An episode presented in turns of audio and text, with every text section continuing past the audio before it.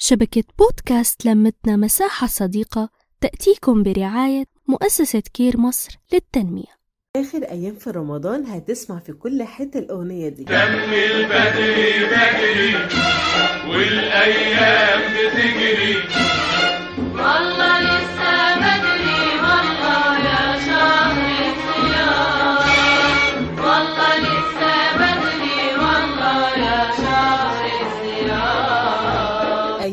وعدت بسرعة وكل بيت في الوطن العربي هيبتدي يجهز لعيد الفطر المبارك. ونيجي على مصر. أول واحد عرف المصريين إزاي يحتفلوا بعيد الفطر هو عمرو بن العاص وده كان بعد الفتح الإسلامي لمصر وعرفنا بطقوس العيد اللي لسه لحد دلوقتي متوارث ما بينا احتفلنا بالعيد مش أي كلام. ده بنقعد نجهز له من قبلها تقريبا بعشرة أيام. هتلاقي البيوت عاملة حملة نظافة من غسل سجاجيد وستار وتلميع النجف. غير الشوارع هتلاقيها زحمة جدا. الكل بينزل بيشتري لبس العيد اللي مش بيفرق ما بين كبير ولا صغير. وكمان تجهيز الكحك والبسكوت والغرابة اللي لحد دلوقتي بيوت كتير بتحب تعملها بإيديها. إيه ماما عايزة إيه؟ شيلي السجانه وديها الفرن قبل ما تتزحم. هو انت ناويه تتعبي نفسك وتمرمطيني معاكي بالكحك ده؟ ما كل الناس بتجيب جاهز. انت كل سنة تعمل المناحة دي؟ يلا بلاش لك أعشلهم يلا. حاضر.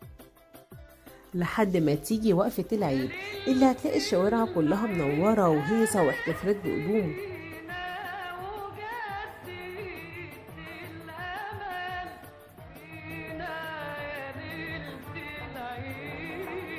بيمر الوقت لحد الصبح اللي بتسمع في كل مكان تكبيرات العيد.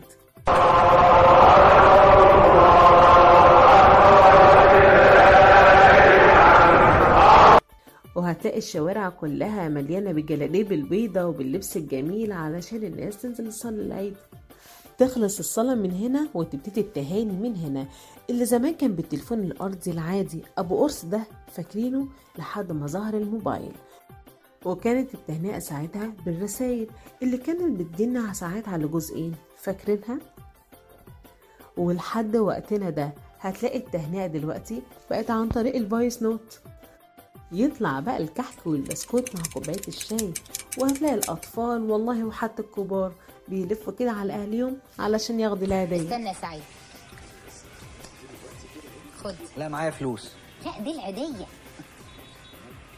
طول ما انت معايا؟ هتاخد عيديتك مني. يلا. خد يا مصر. خد يا مصر العيدية. وإحنا فين العيدية بتاعتنا؟ تعالي بص معايا كده من البلكونة. شايفين الأطفال مبسوطين إزاي بلبس العيد وفرحانين بيه وماسكين البالونات وماسكين عيديتهم في إيديهم وسامعين صوت البومب كده والصواريخ؟ الله على عيدك يا مصر.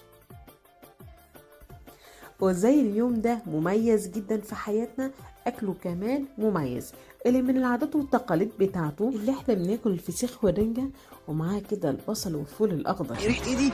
دي ريحة الفسيخ إيه؟